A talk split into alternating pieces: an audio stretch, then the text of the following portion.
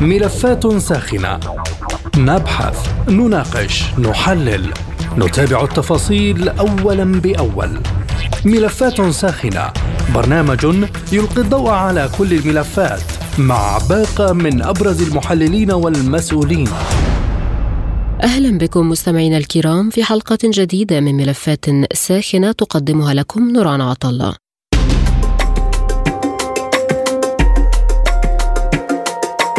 حذرت الرئاسة الفلسطينية الحكومة الإسرائيلية من الإصرار على تنظيم مسيرة الأعلام الاستفزازية للمستوطنين في البلدة القديمة من مدينة القدس المحتلة والمقررة اليوم مؤكدة أنها لن تقود إلا إلى التوتر وتفجير الأوضاع. وقال المتحدث الرسمي باسم الرئاسة الفلسطينية نبيل بوردينا إن دعوات المتطرفين لاقتحام المسيرة للمسجد الأقصى سيشعل المنطقة وستكون العواقب وخيمة لمثل هذه المحاولات محملا حكومة الاحتلال المسؤولية الكاملة عن هذا التصعيد الذي سيؤدي إلى تفجير الأوضاع مؤكدا أن الشعب الفلسطيني وقيادته قادرون على حماية القدس ومقدساتها الإسلامية والمسيحية. وستبقى القدس بمقدساتها عاصمة دولة فلسطين الأبدية مطالبا الإدارة الأمريكية باتخاذ موقف واضح وصريح من هذه الاستفزازات الإسرائيلية وتحويل أقوالها إلى أفعال. للمزيد من التفاصيل ينضم إلينا من القدس الكاتب والمحلل السياسي دكتور أمجد شهاب. بعد التحية دكتور أمجد، كيف ترى ما يحدث خاصة مع إصرار إسرائيل على تنظيم مسيرة الأعلام الاستفزازية بالنسبة للفلسطينيين؟ نعم هناك إصرار لأنه هذه اللي تعتبر مسيرة الأعلام بالنسبة لهم لها طابع سياسي ولها طابع أيضا بالنسبة للاساطير التوراتيه محاولة إنهاء الملف القدس ومحاولة آه، آه، تثبيت بان مدينة القدس هي مدينة موحدة عاصمة لدوله إسرائيل و واستخدام آه، الإعلام في في في الشطر الشرقي والشطر الغربي وبأعداد كبيرة هم يعتقدون أنه يمكن أن يكون هذا يوم للتاكيد على أن القدس خارجة بأي موضوع للتباحث أو لحقوق سياسية للطرف الفلسطيني. فهذا الاصرار الكبير. طبعا اليوم اليوم كان يختلف عن السنوات السابقة بأن بمشاركة عدد كبير من أعضاء الكنيسة التابعين للحزب الحاكم وأيضا وجود وزراء لأول مرة دخول وزراء في الحكومة في بحات المسجد الأقصى في يوم في يوم ما يسمى بيوم توحيد القدس ومسيره الأعلام. يحاولون إعطاء صبغة سياسية بعد بعد حصولهم على عدة غطاء غطاءات قانونية و تاريخية ودينية وما شابه ذلك هم يعتقدون بأن هذه المرحلة قد قد أصبحت جاهزة جاهزة لفرض وقائع جديدة وخاصة فرض تقسيم المكاني وتقسيم المسجد الاقصى بين بين المستوطنين والمسلمين إيه، وخاصة المنطقة الشرقية من بحات المسجد الأقصى فهي تعتبر تعتبر المسيره اليوم كضربه استباقيه لهذه المرحلة آه، التي تعتبر من المراحل المتقدمة في عملية تهويد آه، المدينة المقدسة. لماذا تصر إسرائيل على تنفيذ مسيرة الأعلام رغم المخاوف من حدوث مواجهات بين الأطراف؟ الحكومة حاليا آه، حكومة متأزمة بحاجة لانتصارات وخاصة انتصارات معنوية وسياسية. آه، المسيرة هي أحد الأدوات التي تستخدم للمحافظة على استقرار هذه الحكومة ولاستمرارها آه، وخاصة بتحالف مع بعض مع بعض الأحزاب المتطرفة التي تطالب بشكل أساسي باتخاذ قرارات أكثر قصوى ضد الفلسطينيين خاصة في القدس وخاصة في بحات المسجد الأقصى، هناك هناك ضغوطات لتقسيم مكاني لبحات المسجد الأقصى، وهناك ضغوطات أيضا لعملية تفريغ المقدسيين من بحات المسجد الأقصى، هذه المسيرة تعتبر أحد الأدوات التي ستقنع الجمهور المتطرف واليميني بأن هذه الحكومة حكومة فاعلة وحكومة نشطة وهي تتقدم في الميدان وتحقق خاصة بعد المواجهات الأخيرة مع قطاع غزة مع حركة آه، الجهاد الإسلامي. مسيرة الأعلام قبل عامين أدت لحدوث مواجهات بين الفصائل وإسرائيل، هل نتوقع النتيجة نفسها اليوم؟ هم حسب حسب آه، دراستهم لحساب المخاطر وخاصة أن المواجهة الأخيرة مع قطاع غزة كانت آه، لم يكن لها فترة فترة طويلة لم يكن لها فترة طويلة هم يعتقدون ان أن قطاع غزة لن يستطيع الدخول في مواجهة ولن يأخذ كل هذه المخاطر خاصة أنهم أنهم هددوا قيادات كبيرة في حركة الجهاد وحركة حماس. في حال إطلاق صواريخ بتصفيات جسدية وأيضا باتخاذ عقوبات باغلاق المعابر وبقطع الماء والمياه والمواد التنموية، هم يعتقدون بأن هذا اليوم سيمر بهدوء ويستطيعون من خلاله فرض هذه الوقائع الجديدة. كيف ينعكس حدوث أي مواجهات خلال مسيرة الأعلام على وقف إطلاق النار بين الفصائل وإسرائيل؟ أنا بعتقد الاحتمال ضعيف جدا طيب بمواجهة ضعيف جدا. إيه، كان هناك مواجهة قبل عامين بسبب مسيرة الإعلام وسميت بمعركة سيف القدس. ولكن توقعات اليوم القطاع قطاع غزة تحت حصار شديد و لا هم بيعتقدوا إنه لن يكون هناك رد فلسطيني. وهناك أزمة قيادة عند الفلسطينيين. هناك انقسام كبير ومن يستغلون هذه الظروف من أجل فرض وقائع جديدة ومن أجل استغلال هذه الظروف وخاصة آه، في في الصراعات الإقليمية والصراعات الدولية خاصة ما يحدث في أوكرانيا.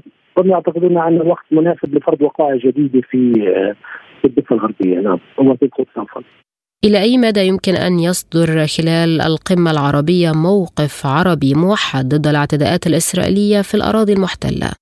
لا أعتقد أن الإسرائيليين يكترثون كثيرا بعقد القمه العربية وأيضا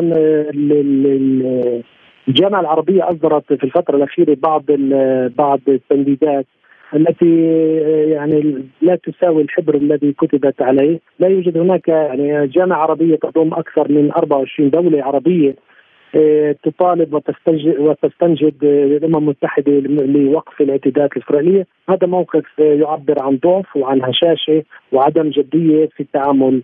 وخاصة أن عدد كبير من الدول الدول العربية قامت آه، بعلاقات تطبيع وعلاقات دبلوماسية.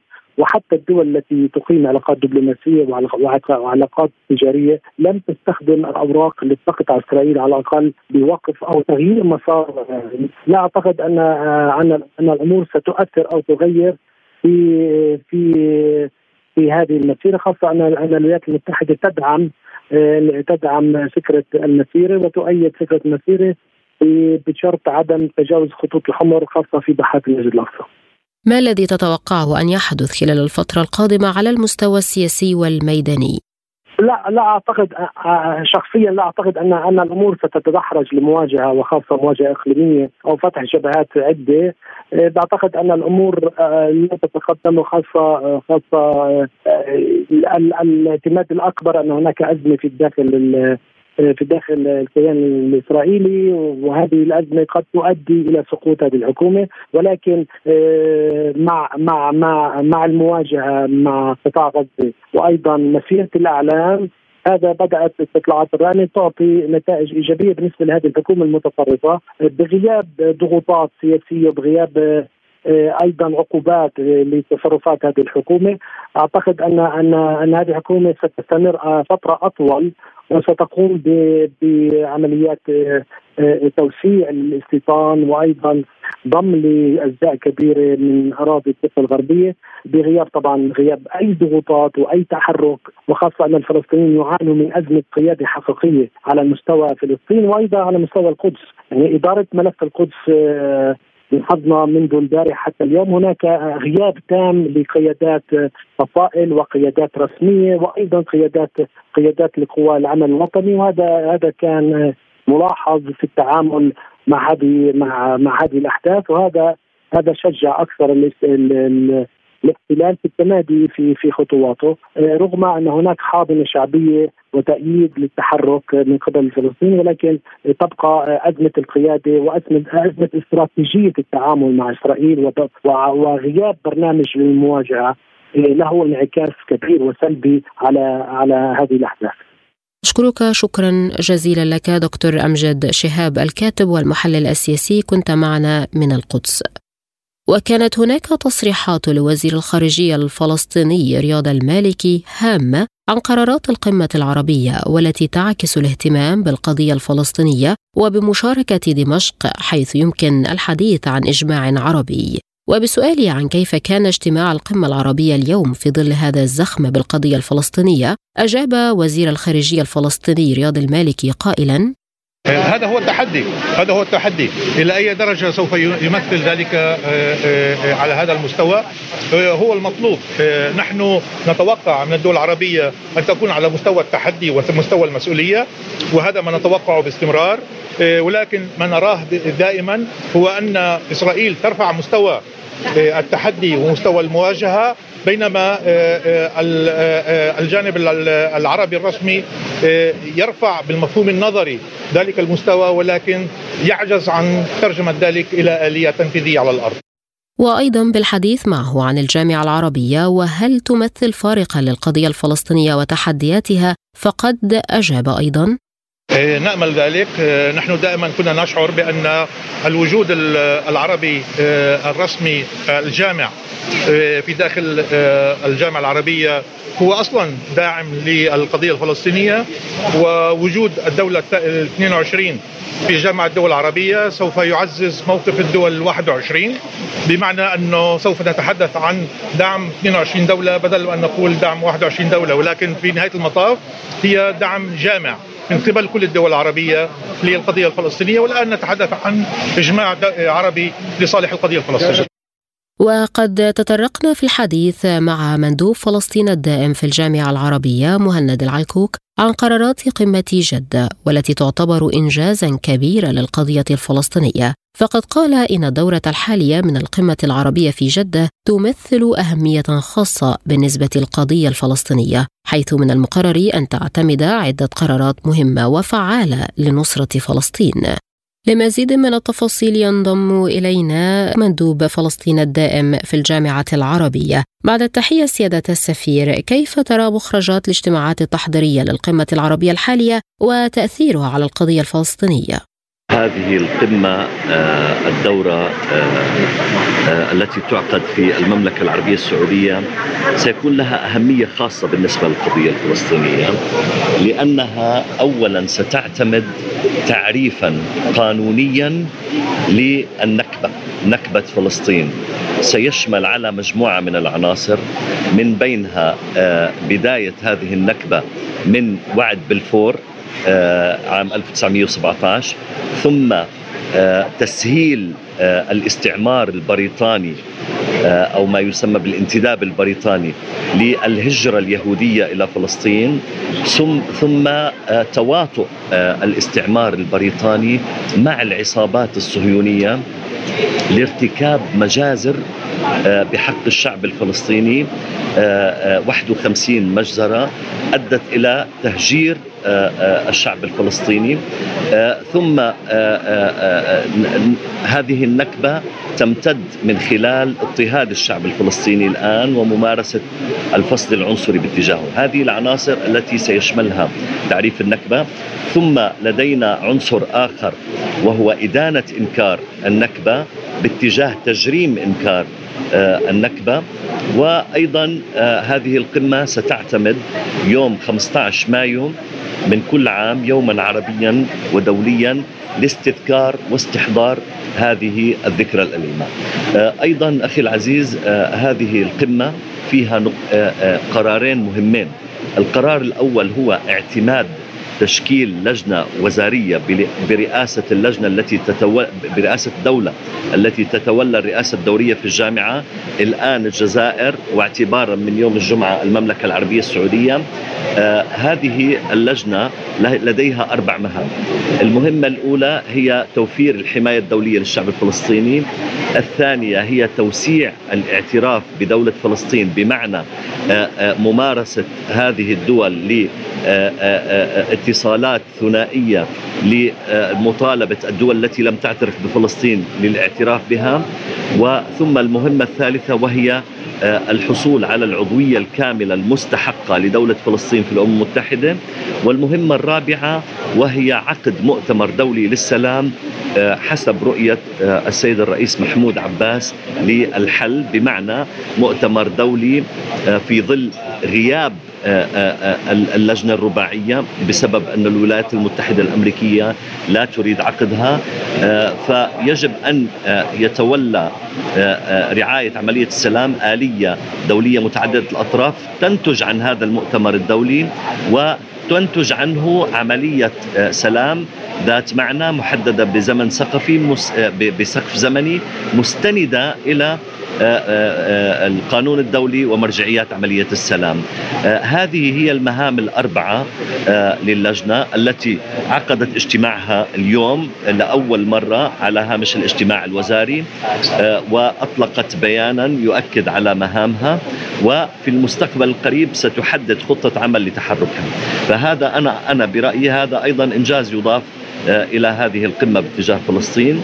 آه، النقطة الأخرى التي نعتبرها نحن في دولة فلسطين آه، يمكن أن تكون انجازا في هذه القمة وهو إنجاز تأسيس لجنة قانونية استشارية تحت مظلة جامعة الدول العربية لمساعدة دولة فلسطين في مساعيها في إطار آليات العدالة الدولية المحكمة الجنائية الدولية محكمة العدل الدولية المظالم التاريخية للشعب الفلسطيني والجرائم التي ترتكبها الاحتلال قوات الاحتلال الإسرائيلي. آه، أيضا لدينا آه، أخرى آه، من المساءلة وهي وضع جيش الاحتلال الإسرائيلي على قائمة العار الأممية لقاتلي الأطفال وأيضا الضغط على الاحتلال الإسرائيلي لتيسير عمل اللجنة التحقيق المستمرة المنبثقة عن مجلس حقوق الإنسان والمقررة الخاصة لحقوق الإنسان في الأرض الفلسطينية المحتلة. هذه اللجنة ما, ما أهميتها اللجنة القانونية؟ أهميتها أنه الآن الدول العربية ليس فقط تعطي موقفا سياسيا تقليديا داعما للقضية الفلسطينية ولكنها تشترك فعلا في المعركة القانونية ضد الاحتلال الإسرائيلي ليس من خلال آلية ثنائية بل من خلال آلية عربية متعددة الأطراف هذه من النقاط المهمة التي آه، أستطيع أن أقول لك مستجدة آه، في هذه القمة إضافة للمواقف التقليدية آه، العربية الأخرى. عودة سوريا للجامعة العربية لماذا قد تشكل فارقة للقضية الفلسطينية؟ دولة فلسطين آه، أستطيع أن أقول أنها آه، طرحت آه، عودة سوريا لجامعة الدول العربية قبل يعني ما يقرب من أربع سنوات من خلال حديث مباشر بين السيد الرئيس محمود عباس وامين عام جامعة الدول العربية. ولكن كان في ذلك الوقت الأمور ليست ناضجة عربيا وليس فلسطينيا لعودة سوريا و دولة فلسطين أول من رحب أو من أوائل الدول التي رحبت بعودة سوريا لجامعة الدول العربية. بالنسبة لنا نحن ننظر لعودة سوريا أنه هذا مكسب على المستوى العربي مكسب على المستوى السوري لأنه اليوم الجامعة العربية المفروض حسب قرار عودة سوريا أو استئناف مشاركة الوفود السورية في جامعة الدول العربية أنه آه، ستساهم الجامعة العربية في حل الأزمة السورية عن طريق خطوة بخطوة آه، آخذة بعين الاعتبار. مشاغل الدول آه، مشاغل طموحات الشعب السوري واستقرار الدولة السورية وحفظ سلامة أراضيها ووحدتها الإقليمية وعن طريق أيضا تلبية مشاغل الدول دول الجوار لسوريا. أما بالنسبة نحن لنا نحن كفلسطين فننظر لعودة سوريا أن تضفي توازن أيضا في جامع في موقف جامعة الدول العربية تجاه القضية الفلسطينية ومعروف الموقف التاريخي لسوريا بأنه هو داعم آه، آه، قوي آه، للقضية الفلسطينية. فبالتالي سيضيف وجود سوريا تعزيز أكبر لفاعلية الجامعة العربية بإطار استعادة حقوق الشعب الفلسطيني المشروعة وغير قابلة للتصرف. وكيف ترى موقف سوريا بالنسبة للقضية الفلسطينية؟ نعم آه، تاريخيا آه، آه، روسيا داعمة للقضية الفلسطينية، نحن من خلال جامعة الدول العربية لدينا منتدى تعاون عربي روسي، أستطيع أن أقول لك بأن هذا المنتدى من أهم منتديات العربية ومن الأكثرها فاعلية واجتماعا على مستوى دوري ومن أكثرها دعما للقضية الفلسطينية، بمعنى أنه الأصدقاء في روسيا دائما يقولون لنا أنهم يدعمون القضية الفلسطينية وأي لغة يراها تراها دولة فلسطين. آه، آه، آه، نريد أن نمررها من خلال منتدى التعاون العربي الروسي أنهم سيوافقون عليها ويدعمونها. فلذلك في إطار تاريخي موقف روسيا دائما داعم للقضية الفلسطينية ومقدر من قبل القيادة الفلسطينية وعلى رأسها الرئيس محمود عباس ومن قبل الشعب الفلسطيني. تقدير عالي. يأتي ذلك بعدما أكد رئيس الوزراء الإسرائيلي بنيامين نتنياهو أن مسيرة الأعلام ستجري في مسارها كما هو معد لها فيما حذرت فصائل المقاومة الفلسطينية بأنه حال تم تجاوز الخطوط الحمراء والاعتداء على المقدسات لن تتهاون في الرد وأنها في حالة ترقب وانعقاد. من جانبه قال وزير الأمن القومي الإسرائيلي إتمار بن جفير إنه يجب التصدي والعمل على الحد من جميع تهديدات الإرهابيين والبلطجية وأي تهديدات استفزازية من أي نوع. للمزيد من التفاصيل ينضم إلينا من رام الله الخبير بالشؤون الإسرائيلية أستاذ أشرف العجرمي. بعد التحية أستاذ أشرف ما أسباب تضخيم تل أبيب لمسيرة الأعلام وإصرارها على تنفيذها؟ يعني إسرائيل منذ آه، ضمت القدس الشرقية في عام 1967 وهي تحاول إثبات سيادتها وسيطرتها على القدس الشرقيه وبالتالي مسيرة الإعلام هو جزء من محاولات إثبات أن القدس موحده عاصمة لإسرائيل وأن السيادة هي لإسرائيل فقط وأن الإسرائيليين يستطيعون أن يفعلوا ما يشاءوا في آه، القدس وغيرها من الأماكن. آه، داخل يعني آه، ما يسمى حدود إسرائيل.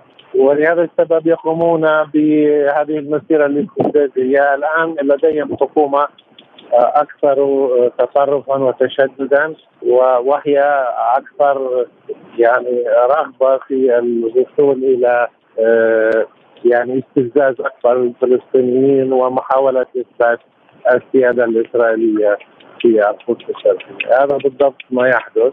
والآن لا, لا, لا ليست فقط المسيرة هي المشكلة. والمشكلة أنه تقوم إسرائيل باقتحام آه، مناطق في آه، القدس في المسجد الأقصى منذ صباح الباكر.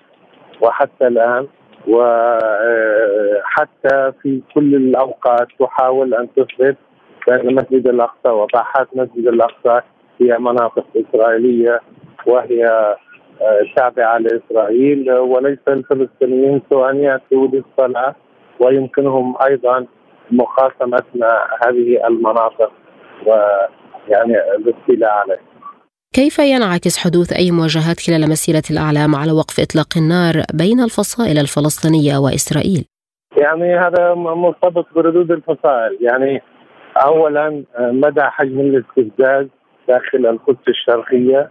ماذا يمكن أن يحدث آه، في هذا في هذه المسيرة؟ هل سيذهبون إلى الأقصى أو لا؟ هم يريدون الدخول إلى الحي الإسلامي. هل ستكون هناك مواجهات بينهم وبين المواطنين بناء على ذلك يمكن أن آه، يعني ترد الفصائل وهذا مرتبط بموقف الفصائل أساسا هي تهدد بالرد ولكن ليس واضحا إذا ما كان سيكون هناك رد أو لا. ما هي القرارات المتوقع صدورها عن القمة العربية في جدة فيما يتعلق بالاوضاع في الأراضي المحتلة؟ يعني القمة العربية كعادتها تؤكد آه، الاهتمام بالقضية الفلسطينية واعتبارها قضية العرب الأولى وربما يعني يتم التأكيد على المبادره العربية للسلام وعلى كل المرجعيات التي يجمع العرب عليها بما فيها قرارات القمه العربية السابقة. دعم الشعب الفلسطيني ودعم القضية الفلسطينية ومحاولة الضغط على المجتمع الدولي. للقيام بدور أكثر جدية في هذا الشأن.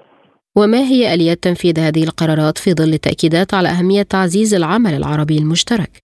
يعني نشهد في الأيام الأخيرة محاولة لإعادة ترتيب صفوف العالم العربي من جديد ومنع التدخلات الخارجية في آه، الدول العربية وهذا في الواقع يمكن أن يقود إلى تعزيز دور العمل العربي المشترك ككتلة واحدة وفي هذا الشأن يمكن الضغط على آه، المجتمع الدولي على منظمات دولية على دول وازنة في المجتمع الدولي لاتخاذ مواقف أكثر حزما تجاه إسرائيل، العالم العربي بثقله يمكنه أن يفعل شيء إذا ما استخدم هذا الثقل بشكل جيد وخاصة أن هذا الثقل هو يعود إلى الموضوع. السياسي، موضوع الاقتصادي، الموضوع الامني، يعني هناك ارتباط كثير في استقرار العالم العربي في آه، الوضع آه، استقرار العالم ككل بالاستقرار في العالم العربي وحتى في آه، الأراضي المختلفه. إلى أي مدى يمكن أن يكون هناك موقف عربي موحد يوقف الانتهاكات الإسرائيلية هذه؟ هو الموقف العربي موحد بدون شك ولكن كيف يمكن أن يستخدم العرب قوتهم ونفوذهم وهذه الوحدة وهذا الثقل الكبير الذي يحتلونه في العالم العربي من أجل يعني التوصل إلى آه، إمكانية وتفعيل ضغوط على آه، الجانب الإسرائيلي وعلى الاحتلال الإسرائيلي بانهاء هذا. هذا هو السؤال يعني وهذا بحاجة إلى إرادة عربية لاستخدام الموارد العربية والقدرات المختلفة لاثبات هذا ولكن يعني لماذا تصر إسرائيل على تنفيذ مسيرة الأعلام رغم المخاوف من حدوث مواجهات؟ يعني هي نفسها تخشى من حدوث مواجهات بين الأطراف. الإصرار لأن الحكومة الإسرائيلية الحالية مركبه من أحزاب يمينية متطرفة هي تصر على إثبات سياده إسرائيل على القدس ووحدة آه، الأراضي التي يعني تحت الاحتلال الإسرائيلي بما فيها أجزاء من الضفة الغربية بالإضافة إلى القدس الشرقية وبالتالي هم يريدون أن يثبتوا سيادتهم يثبتوا سيطرتهم يثبتوا أنهم آه، أصحاب هذه البلاد وهم أصحاب القرار فيها بشكل لازم. ما الذي تتوقع أن يحدث خلال الفترة القادمة على المستوى السياسي والميداني على حد سواء؟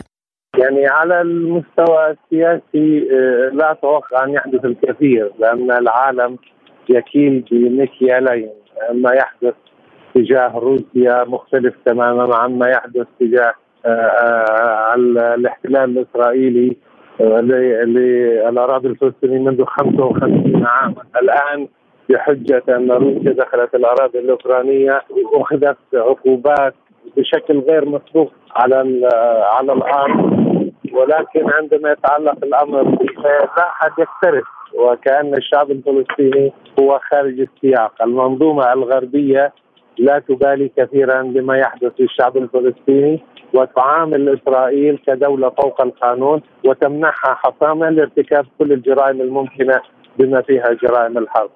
أما فيما يتعلق بالجانب الميداني هناك تصعيد ومواجهة على طول الخط ولا يمكن أن ينتهي هذا بمجرد آه، قرارات أو مواقف إسرائيلية أو مسيرات منتشره.